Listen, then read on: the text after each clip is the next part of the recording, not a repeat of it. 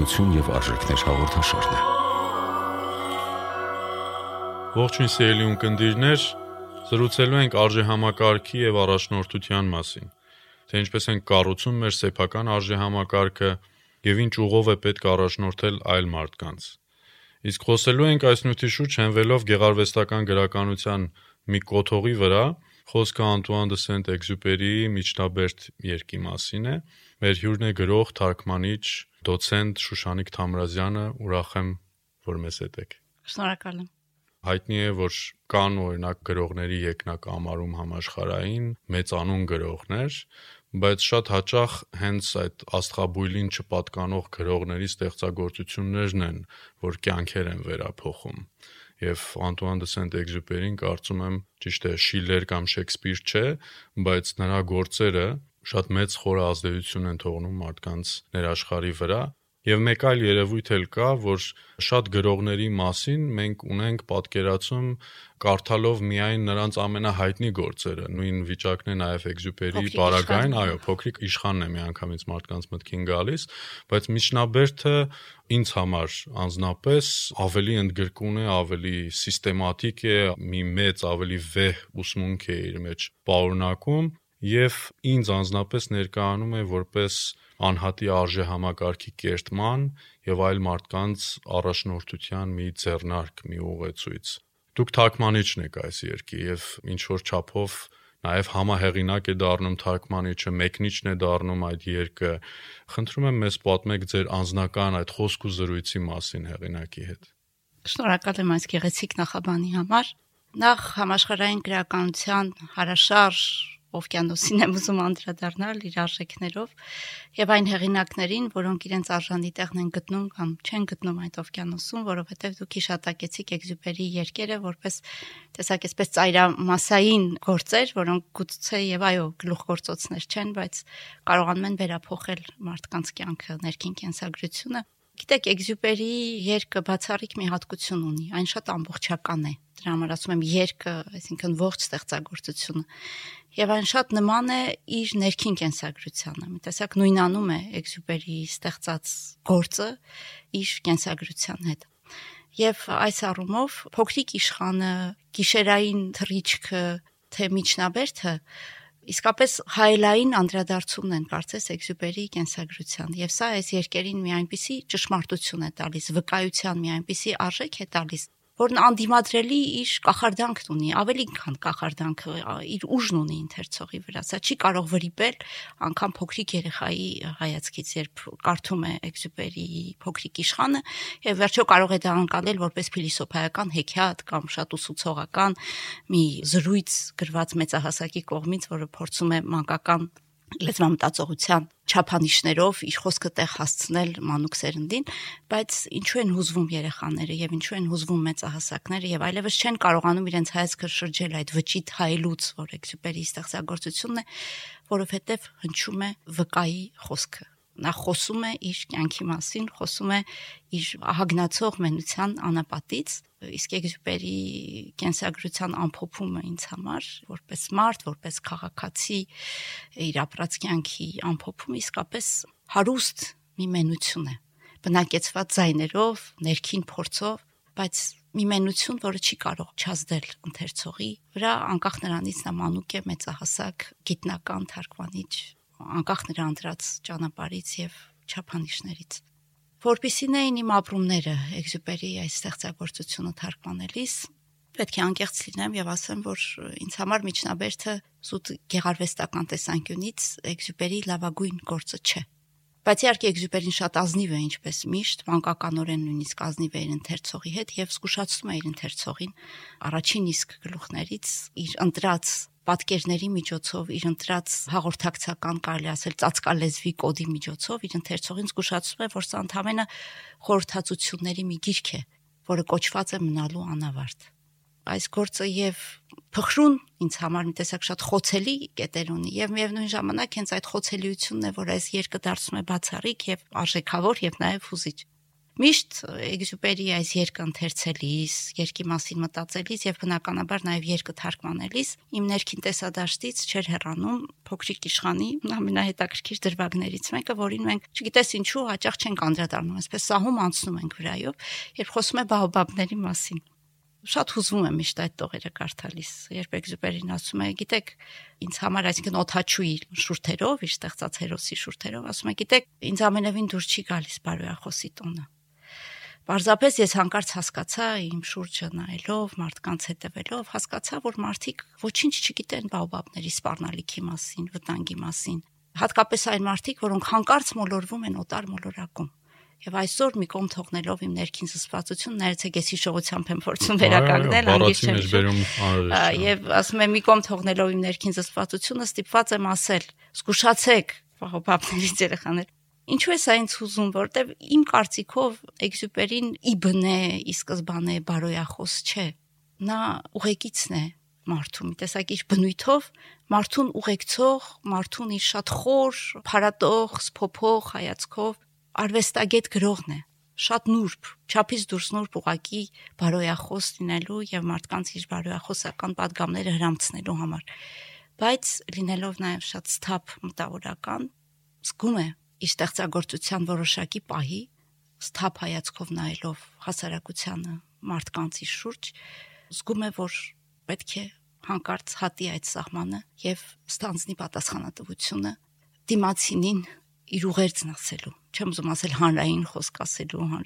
ուղղակի մարդուն եւ երբեք գիտեք անգամ իր հրաապարակախոսական այսպես բնույթ ստացող արցակի մեջ երբեմն իսկապես եւ ռազմական օթաչուի մեջ եւ գիշերային թռիչքի մեջ շատ նուրբ մանկական հիշողություններ կան եւ հանկարծ հետո սկսվում է հրաապարակախոսական ավելի բնույթի վերլուծություն ասենք պատերազմի ցախողման պատճառների շուրջ, հայրենասիրության շուրջ, բայց Էքսյուպերին խոսում է մարդու հետ, դիմում է նրան դույով։ Երբեք դա չի վերածվում ուղակի այսպես հարթակին կանգնած մտավորականի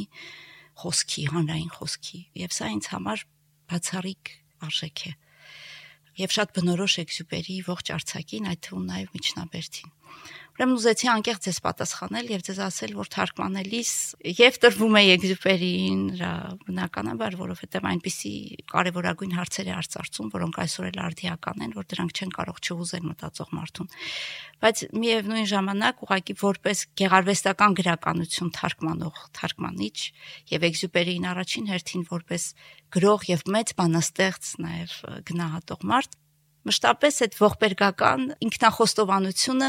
հնչում էր իմ ներքին լսողության մեջ բաոբաբների մասին։ Ինձ առանձնապես դուր չի գալիս բարոյախոսի տոնը, բայց ահա ստիպված եմ ձեզ ասել։ Ահա ստիպված եմ ձեզ զգուշացնել։ Զգուշացնել ինչի մասին, վերջո ինչ է ուզում ասել Էքսյուպերին իր այս միջնաբերդով, երբ ինքը բոլոր առումներով եւ որպես մարդ, եւ որպես քաղաքացի, եւ որպես մտածող հայտնվել է ծայրագույն մի մենության մեջ Այո, իրականում որպես ընթերցող էլ այդ մենության զգացողությունը, այդ ապրումները ուղեկցում են մեզ ողջ գրքի ընթերցանության ընթացքում, այդ անապատի մենությունը, նրա խոսքը բնավ չի հնչում բարոյախրատական տոնով։ Այո։ Նա պարզապես կիսվում է իր մտածումներով, իր եւ Աստծո միջև զրույցի, իր եւ իր հոր այդ խորհրդանշական կերպարը, որ կա այդ փորձառություն բեկիսվում իր ընթերցողի հետ այստեղ կուզենայի անդրադառնայինք իր մի քանի խորհրդանշական այլաբանական եզրերին, որոնք ամբողջ գրքով մեկ սփռված են դիցուկ երբ խոսում ենք ուրիշներին առաջնորդելու կամ ինչ որ արժեք ստեղծելու, արժե համակարգ ստեղծելու մասին, նա ունի քարավանի կերպարը, թե ինչպես է իր ժողովրդին առաջնորդում անապատի միջով դեպի օազիս, նավի կերպարը, թե ինչպես ժողովուրդը պետք է համախմբվի այդ նավի կառուցման շուրջ եւ ընթանա դեպի այդ հերավոր կղզին, տաճարի գաղափարը կա, տաճարը կարելի ասել Տաճարը որ քարերը չեն եւ ոչ էլ քարերի ամբողջությունը, հա։ Այո, հենց այդ ամբողջ երևի արժե համակարգն է, որը ժողովուրդը ամբողջ ազգը միասին պետք է իր համար այդ հոգեղեն տաճարը կառուցի։ Տաճարից վեր երևի քաղաքն է,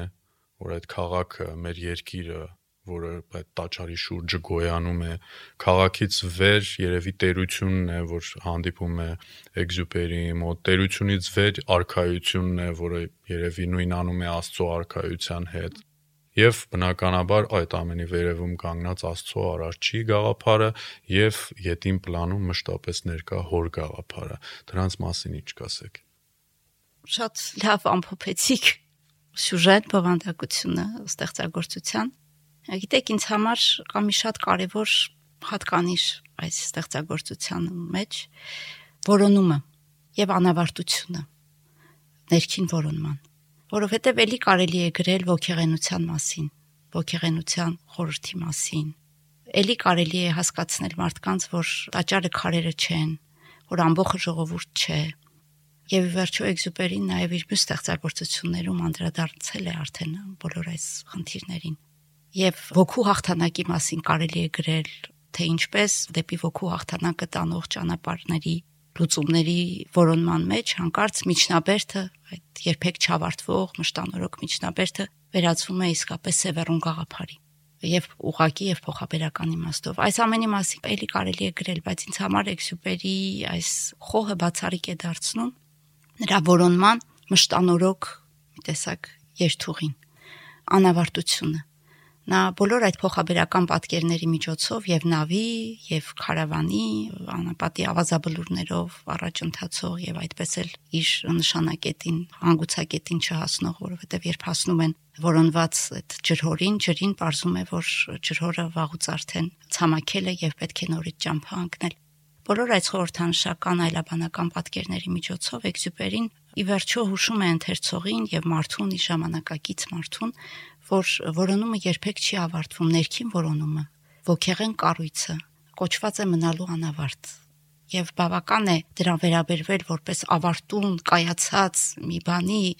ստացված արդեն նյութականորեն շոշափելի, որի շուրջ կարելի է հավաքվել եւ այդուհետ այսպես հանգիստ ապահով շարունակել մարդկային հողեղենկոյությունը եւ այդ ոգեղեն ապարանքը կփլվի նստակյաց չի կարող մարդը լինել հասարակությունը իդեպ սա դարձյալ շատ նման է էքզյուպերի ապրած կյանքին որ այդպես էլ ոչ միտեղ չհաստատվեց նաեւ շատ կոնկրետ նյութական իմաստով անverջ փոխում էր իր հասցեն բնակարանները եւ այլն Եվ սա այդ որոնումը որպես ներքին փորձի ամենաբարձր ձև որպես ոգեղեն փորձի բյուրեղացում, անվերջանալի որոնումը եւ որոնումների այդ հետագիծը, որի վերջո թողնում է մարդու ներաշխարում միջնաբերդը ինձ համար միջնաբերդի ամենահետաքրքիր գաղափարներից մեկն է որովհետև մարդու ներքին ոգեղեն ապարանքի կերտման այս բանաձևը մշտանորոք անverջ որոնմանը ներքին որոնումներին հետամուտ այդ ներքին աշխատանքի բանաձևը էքսյուպերին փորձում է հակադրել այդ տարիներին արդեն մոլեգնող գլուխ բարձրացրած բացարձակի մի բոլորովին այլ բանաձևի, որը ֆաշիզմի կառուցած բացարձակ համակարգված եւ ուստի կառավարելի մարդու բանաձևներ, որտեղ ամեն ինչ ավարտուն է, ամեն ինչ գծված է երկրաչափական ճշգրտությամբ, բայց ինչու է գծված եւ ինչու է այդքան համակարգված եւ ինչու պետք է այդ համակարգը լինի այդքան բացարձակ անվրեպ եւ անթերի, որովհետեւ դա թույլ է տալիս մարդուն դարձնել բացարձակապես կառավարելի եւ վերահսկելի։ Եվ ահա Էքսյուպերին սրան հակադրում է քրիստոնեական բացարձակի որոնում, այսինքն բացարձակի որոնման քրիստոնեական, եթե կարելի ասել բանաձևը, որը մեզ տանում է անverջ որոնումների, անverջ ինքնահաղթահարումների, ինքնարարման ճանապարհով եւ ձեր նշած իրավացիորեն նշած բոլոր այդ գեղեցիկ փոխաբերությունները եւ պատկերները յուրովի դրա մեկնությունն են այստեղ շատ սահուն անցնում ենք արդեն հաջորդ բաժնին, թե ինչպիսի արժեքների յետևից մարդը պետք է ընթանա, ինչպես քաղաքակրթությունը, ինչպես հասարակությունը պետք է կառուցվի։ Իմ հետագա խոսքը ես հյուսելու եմ գրքից քաղված մեջբերումներով եւ խնդրելու եմ ձեր մեկնաբանությունը։ Էքզուպերին ասում է. պետք է աշխատել նախ այն բաների վրա, որոնք անանց են։ Ոչ մի հույս չի կարելի կապել մարդու հետ, ով հավերժության փոխարեն իր համար է բանում։ Իսկ մենք հավերժական ճամփորդներն ենք առաստված ձգվող երթի, որովհետև մեր մեջ չկա այն, ինչը կարող է հագուրտ տալ մեզ տանջող անանուն այդ քաղցին։ Մարդկանց մշակույթ նվիրել նշանակում է մարդկանց ծարավ նվիրել։ Մնացածն ինքնստինքյան կհետևի դրան։ Քաղաքակրթության որակը հիմնված է ստեղծագործելու եւ աշխատասիրության վրա։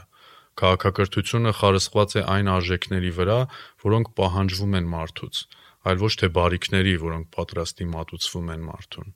Այս հատվածներից կարող ենք եզրակացնել, որ մեկնակետը աշխատանքն է, վերինին ուղղված ձգտումը եւ ճշմարիտ արժեքներին հետեւողությունը։ Այո, Եվ գիտեք, ինչու է ինձ համար շատ արդիական, օրինակ, հենց այս հատվածը եւ այս հատվածում արծարծված այդ կյանքին ստեղծագործ հայացքով դիտող մարդու կերպարը, որովհետեւ Էքզյուպերին անուղակիորեն այստեղ հակադրում է նաեւ օկտապաշտական անցալումը կյանքի եւ օկտապաշտական մոտեցումը կյանքի եւ ընդհանրապես քաղաքակրթության նկատմամբ, որի վրա այսօր ցավալիորեն մենք տեսնում ենք, ընդ որում մեր երկրի նաեւ սահմաններից դուրս համաշխարհային մակարդակով օկտապաշտական հայացքի եւ օկտապաշտական արժեքների վրա խարսխված եւ կառուցվող իրողություններ, ճակերտավոր քաղաքակրթական արժեքներ, ցավոք մենք տեսնում ենք, որ այստեղ թերևս անիմաստ չի ասել, որ էքսյուպերին նաև մեծ երազող էր, որովհետև այնինչ նա համարում էր անհնարին, ցավալիորեն ողբերգականորեն այսօր իրողություն է, ցավալի մերժելի իրողություն, բայց այո մենք տեսնում ենք, որ սուտ օկտապաշտական արժեքների վրա կառուցվում են ամենայն դեպս ժամանակավորապես ինչ որ իրողություններ եւ սրան էքսուպերին հակադրում է цаրավը այսինքն սա շատ մեծ գաղափար է այո մշակույթը որպես ծարավ ծարավարտնացնող ծարավ մշակող եւ ժամանակ առ ժամանակ նաեւ ծարավ հագեցնող մի երևույթ բայց միայն նոր ծարավ արտնացնելու պայմանով որքան հեռու ենք մենք այսօր ահա մշակույթի այս ընկալումից Այո, մեր վերջին հաղորդումը հենց նվիրված էր մշակույթ եւ հակամշակույթ թեմային։ Մենք մեջ բերեցինք նաեւ Էքսյուպերի այս հատվածը, Եվ իրոք այդ պայքար, այդ հարատև պայքարը մշակույթի եւ հակամշակութային իրողությունների, որոնք գոտեմարտում են այս աշխարհում եւ մեզ էլ սպառնում են նետել այդ ճգոյության անդունդը։ Այո, եւ աշխատանքի բերումով այսօր հաճախ եմ շփվում երիտասարդների հետ եւ այն հաստատությունների հետ, որոնք կոչված են կրթելու երիտասարդներին եւ դա փարատում է ցավալիորեն իմ բոլոր սպասումները, իմ բոլոր լուսավոր ակնկալիքները ստեղծվող մշակույթի, ծարդի մշակույթի հետ կապված, որովհետեւ ես པարս տեսնում եմ, թե ինչն է խրախուսվում, ինչն է ճակերտավոր քարոզվում երիտասարդներին։ Թվացial մի պրագմատիզմ, որն իրականում օգտապաշտություն է Եվ գիտեք, շատ կարճատես օգտապաշտություն, որտեղ օգտապաշտությունը, պրագմատիզմը նույնպես, եթե ճիշտ օգտագործվեն, կարող են դրական ինչ-որ արդյունքների հանգեցնել։ Եթե դրանք գործեն ստեղծագործ համակարգում, ստեղծագործ հայացքով իրականություն ընկալող համակարգում, դրանք նույնպես կարող են արդյունավետ իրենց կիրառություն ունենալ բայց երբ մարդը յուրացնում է լեզվի 2-3 քերականական կանոն եւ ամիջապես դա որոշում է վերածել ինչքի նյութական արժեքի եւ այդ երեք քերականական կանոնի վրա հիմնված օրինակ օտարլեզվի դասեր տալ։ Ամիջապես դա շատ ուղղակիորեն մեր կապարանոց կերպով վերածել շոշափելի նյութական արժեքի դրամի։ Սա է հերանեկարը։ Եվ ես ցավալիորեն ամեն օր բախվում եմ դրան։ Եվ այն ինչ դուրս է մնում այս կարճատես հերանեկարների հաջորդականությունից, շատ հեշտ եւ անփութորեն, չգիտես ինչու, հրճակվում է ժամանակավրեպ, այլևս անհետաքրքիր, այլևս տաղտկալի, այլևս իր դառն ապրած, եւ այստեղ երիտասարդները ոչ մի մեղք չունեն, որովհետեւ ցավոք այս ճանապարհային քարտեզը շատ մտածված եւ հավանաբար շատ հերահար նպատակներ հետապնդող մշակվում է իմ հասակակիցների, իմ սերնդի ներկայացուցիչների կողմից եւ հաճախ հրախուսվում։ Երբ էքզուպերին խոսում է այդ հաստատվող տարածվող արժեքների մասին, բնականաբար դա վերածվում է ինչ որ առաջնորդության մոդելի, թե ինչպես կարելի է քո եղբայրներին, քո ժողովրդին առաջնորդել եւ դա անում է առանց խրատական, ինչ որ ոչի անում է շատ անկաշկան, անմիջական ձևով եւ ինչը նշանակում առաջնորդությունը նրա համար։ Նա դա ձևակերպում է որպես ժողովրդի համար տաճար կառուցել վերածվել ճանապարհի եւ փոխադրամիջոցի քո հայրենակիցների քո ժողովրդի համար ուղեկցող հովվի ով մարդկանց կառաջնորդի օազիս Առաջնորդել չի նշանակում, որ չեմ ուզում, որ դու բարձրանաս լեռան գագաթը, այսինքն ինքնուրույն բարձրանաս։ Քեզ չեմ կրթում եւ ուզում եմ մշտապես քայլել քո արջևից։ Հենց ուսուցիչներին էլ նա խրատ է տալիս ոչ թե գիտելիք տալ, այլ ինքնուրույն ուղևորության պատրաստել իր աշակերտներին, այնպես որ այն ամենը ինչ որ տրվում է, դա ինչ որ իդեոլոգիա չէ գրքում, դա պարզապես ուղեցույց է ճանապարհ է պատրաստում, ինչպես որ ասում ենք Հովանես Մկրտիչը անապատում կանչողի ձայնն է, այստեղ Էքզուպերին ստանձնում է կարծես այդ դերը կանչում է, որ เป զի հետևեն այդ կողմը։ Այո Գիտեք, նաև այստեղ ինձ համար շատ առանցքային մի բան կա, որին անդրադառնում է Էքզյուպերին, խոսելով թե առաջնորդությունից, թե հոր եւ որդու փոխհարաբերությունից, թե ուսուցչի եւ աշակերտի փոխհարաբերությունից, առանցքը մնում է ներքին հոգեվոր բովանդակությունը, ոգեղենությունը ամեն ինչի եւ ի հակադրություն դրա հանկարծ հոգեզրկված իրականությունը որովհետև էլի գաղափարներ կարող են մշակվել եւ շատ ազնիվ գաղափարներ եւ տասնյակ էջեր կան, որտեղ էքզյուպերին գրում է հենց այդ ճիշտ տրամաբանորեն կառուցված արտա արերևույթ ազնիվ վ գաղափարների եւ համակարգերի մասին, բայց որոնք հանկարծ արժե զրկվում են ինչու որովհետև զրկվում են իրենց ներքին բովանդակությունից ինչու, որովհետև լքում է հանկարծ այդ համակարգը, այդ համակարգն իմաստավորող եւ իր լուսավորող հոգին հոգեզրկվում է այդ ամենը։ Իմ կարծիքով Էքսյուպերի ամենակարևոր իսկապես խորհուրդներից մեկը ընթերցողին մարդուն ներաշխարում կատարվող հոգևոր դաշտում կատարվող սեփական հոգում կատարվող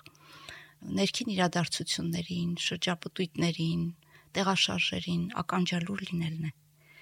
որովհետև մի քայլ է մեզ բաժանում այսօր ես էլ սկսում եմ ինչ որ քարոշ չի տոնով խոսել Ես իմ մասին եմ խոսում, մեզ չասեմ, իդեպ սա ինձ շատ խորթ է։ Ես զգացել եմ իմ կյանքում, որ մի քայլ է ինձ բաժանում իմ իրական հարուստ իրականությունից, ներքին, որտեղ հոգևոր իրականությունից դեպի հոգեզրկված եւ հոգեզուրկ իրականություն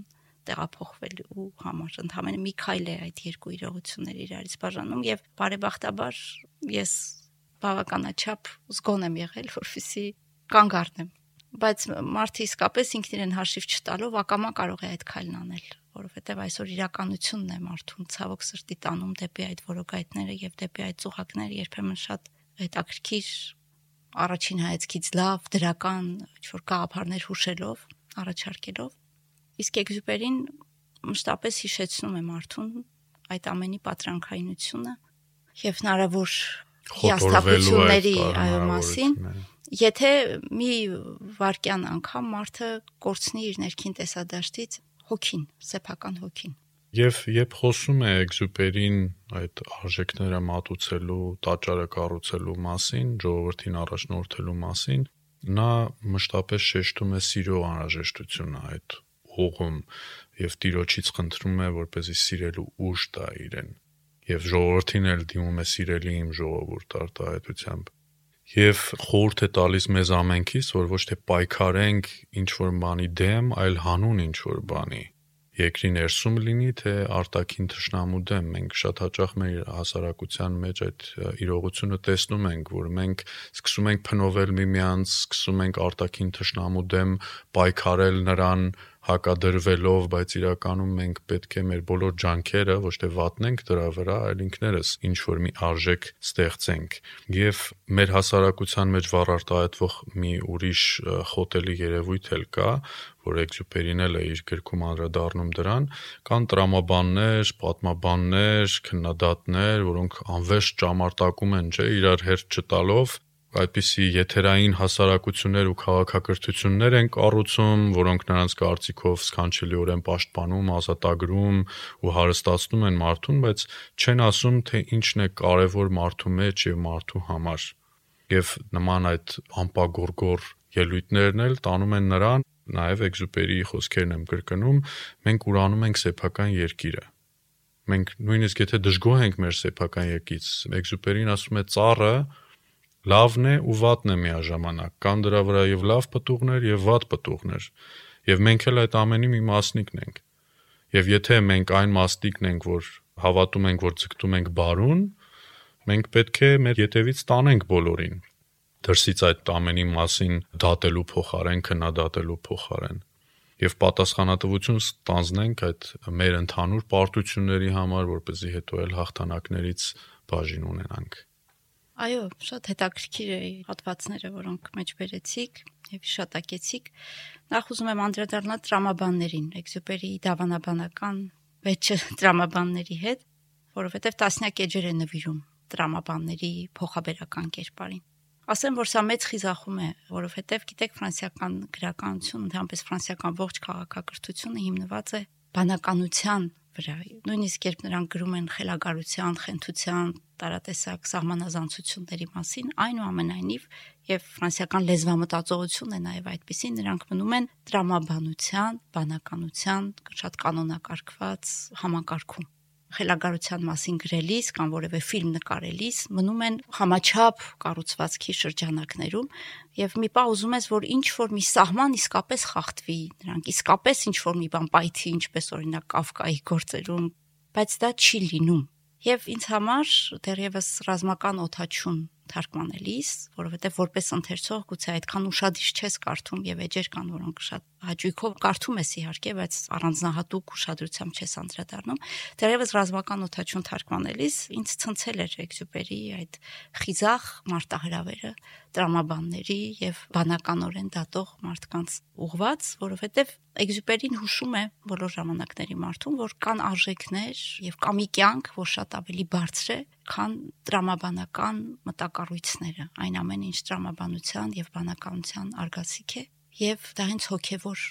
ոլորտն է, ներքին ոլորտն է։ Կան ներքին երևույթներ, մարդու ներաշխարհում կատարվող ներքին գործընթացներ, որոնք ենթակա չեն տրամաբանական վերլուծությունների։ Իսկ սա մեծ խիզախում է բոլոր ժամանակներում ֆրանսիացի մարդու եւ ֆրանսիացի մտածողի համար, առավել եւս 20-րդ դարի առաջին տասնամյակներին, այսինքն 30-ական թվականներին, 40-ական թվականներին։ Եվ այս առումով շատ ինքնատիպ է Էքսյուպերի առաջարկը։ Իսկ առհասարակ սիրո մասին այո սերը պետք է առաջնորդի մարդուն եւ բոլոր ձեռնարկները, բոլոր արարմունքները պետք է մղված լինեն սիրուց եւ ոչ թե լինեն իհեճուկս ինչ որ մեկի կամ ինչ որ բան ջախջախելու, կործանելու, հողին հավասարեցնելու համար, բայց մենք գիտենք, որ դա շատ դժվար է։ Անձամբ ես այսօր չեմ կարող մեր իրողությունը, այնինչ ապրում ենք մենք այսօր համեմատել ուրիշ ոչ մի իրողության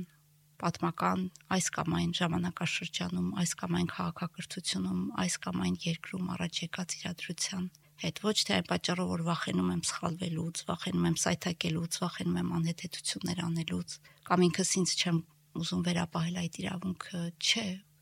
որովհետև ինձ իսկապես թվում է, որ այն ինչ մենք ապրում ենք դուրս է բոլոր բոլոր տրամաբանություններից եւ չտրամաբանություններից եւ Էքզյուպերի այդ մանկականորեն ազնիվ հայացքը, որով նա փորձում էր որակել երկրորդ համաշխարհային պատերազմի ընթացքում շարքային ֆրանսիացու եւ նաեւ ֆրանսիացի ղեկավարների երկրի համար պատասխանատվություն կրողների գործած աններելի սխալները որակել, վերլուծել բայց վերլուծել ներսի մարդու հայացքով եւ ոչ թե դրսից քարկոծել իրենը դարձնել այն պարտությունը, որի մեջ նա որևէ պատասխանատվություն չուներ, իրենը դարձնել այն սխալները, որտեղ նա ընդհանրապես ոչ մի մաս չուներ։ Էքսյուպերի այդ հայացքը արդյոք կենսունակ է այսօր։ Արդյոք այսօր դա կարող է լինել պատասխան մտավորականի համար մեր շուրջ առաջ եկած այս խառնիչ աղանջ վայրի վերո մղձավանջային իրականությանը արդյոք կարող է լինել լուծում։ Ես պետք է անկեղծ լինեմ, ես չունեմ այս հարցի պատասխանը։ Այսօր ես ինքս մեծ խիզախում եմ համարում իրերն իրենց անունով կոչելը։ Եվ երբ սկսում ես իրերը կոչել իրենց անունով, ամենապարզ իդեպ իրերի մասին է խոսքը։ Չասնեն քաղաքական բարձր ամբիոններին, հարթակներին եւ բարձր դատարաններին, շատ ավելի ճակերտավոր կենցաղային դիտարկումներով կբավարարվեմ ուսումնական կրթական հաստատությունները, մարդկանց մտքի եւ հոգու ներաշխարի ցուլարանները ինչ են անում այսօր եւ ինչ են անում այն ացյանները, որոնք կոչված են ապահովելու բարենպաստ աշխատանք այդ հաստատությունների կրճատում են հայոց լեզվի դասերը կրոնի պատմությունը որոշում են վերացնել որպես առարկա բարեփոխումներ մտցնելու փոխարեն օրինակ սրանք իրողություններ են որտեղ շատ կարևոր է իմ կարծիքով ունենալ հստակ դիրքորոշում եւ բարձրաձայնել այդ դիրքորոշումը եւ ես չեմ կարող ինձ մի մասը համարել այն մարդկանց բանակի, ովքեր այսօր առանց հասկանալու թե ինչ են շանակում բարեփոխում,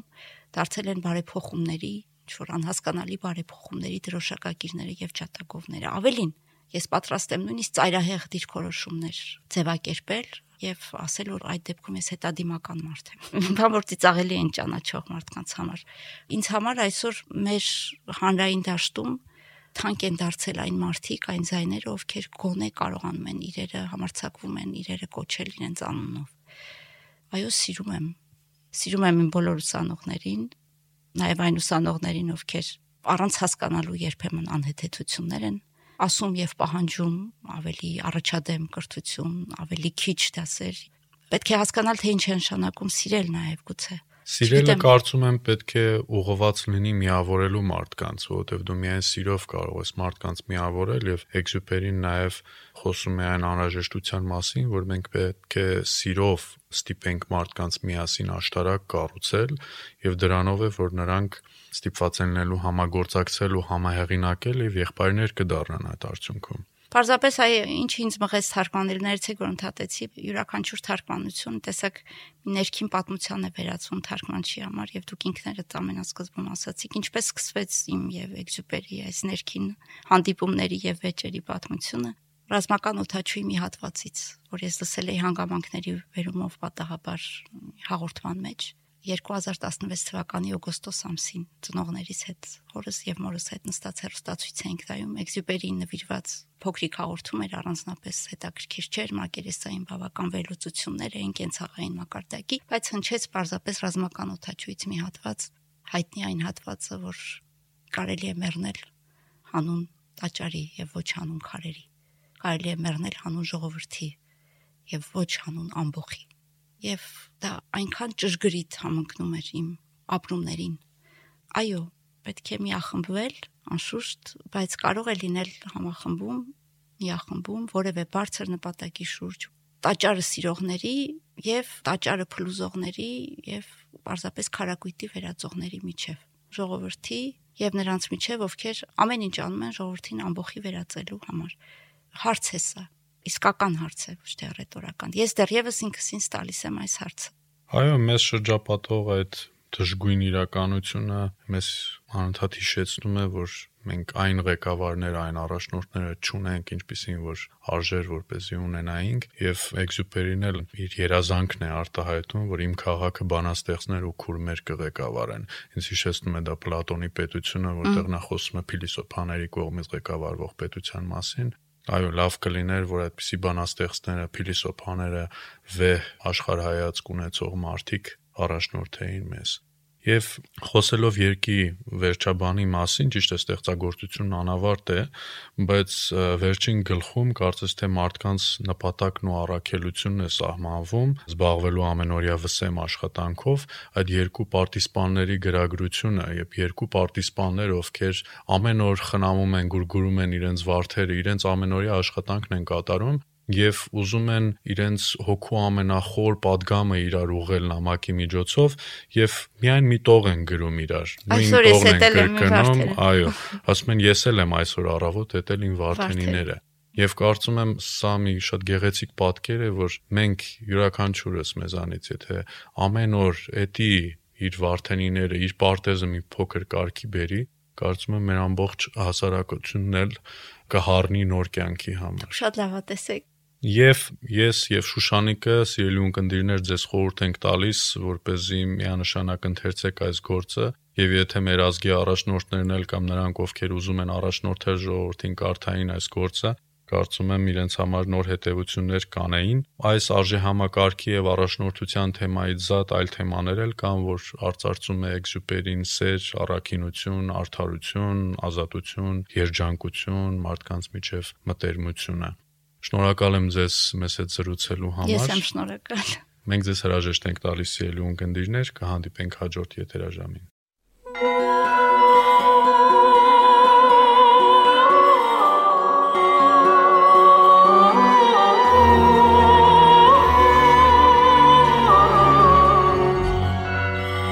Վեմ ռադիոկայանի եթերում ինքնություն եւ արժեքներ հաղորդաշարներ։ Այն ձեզ ներկայացրեց Վարդան Սարգսակ Ասլանյանը։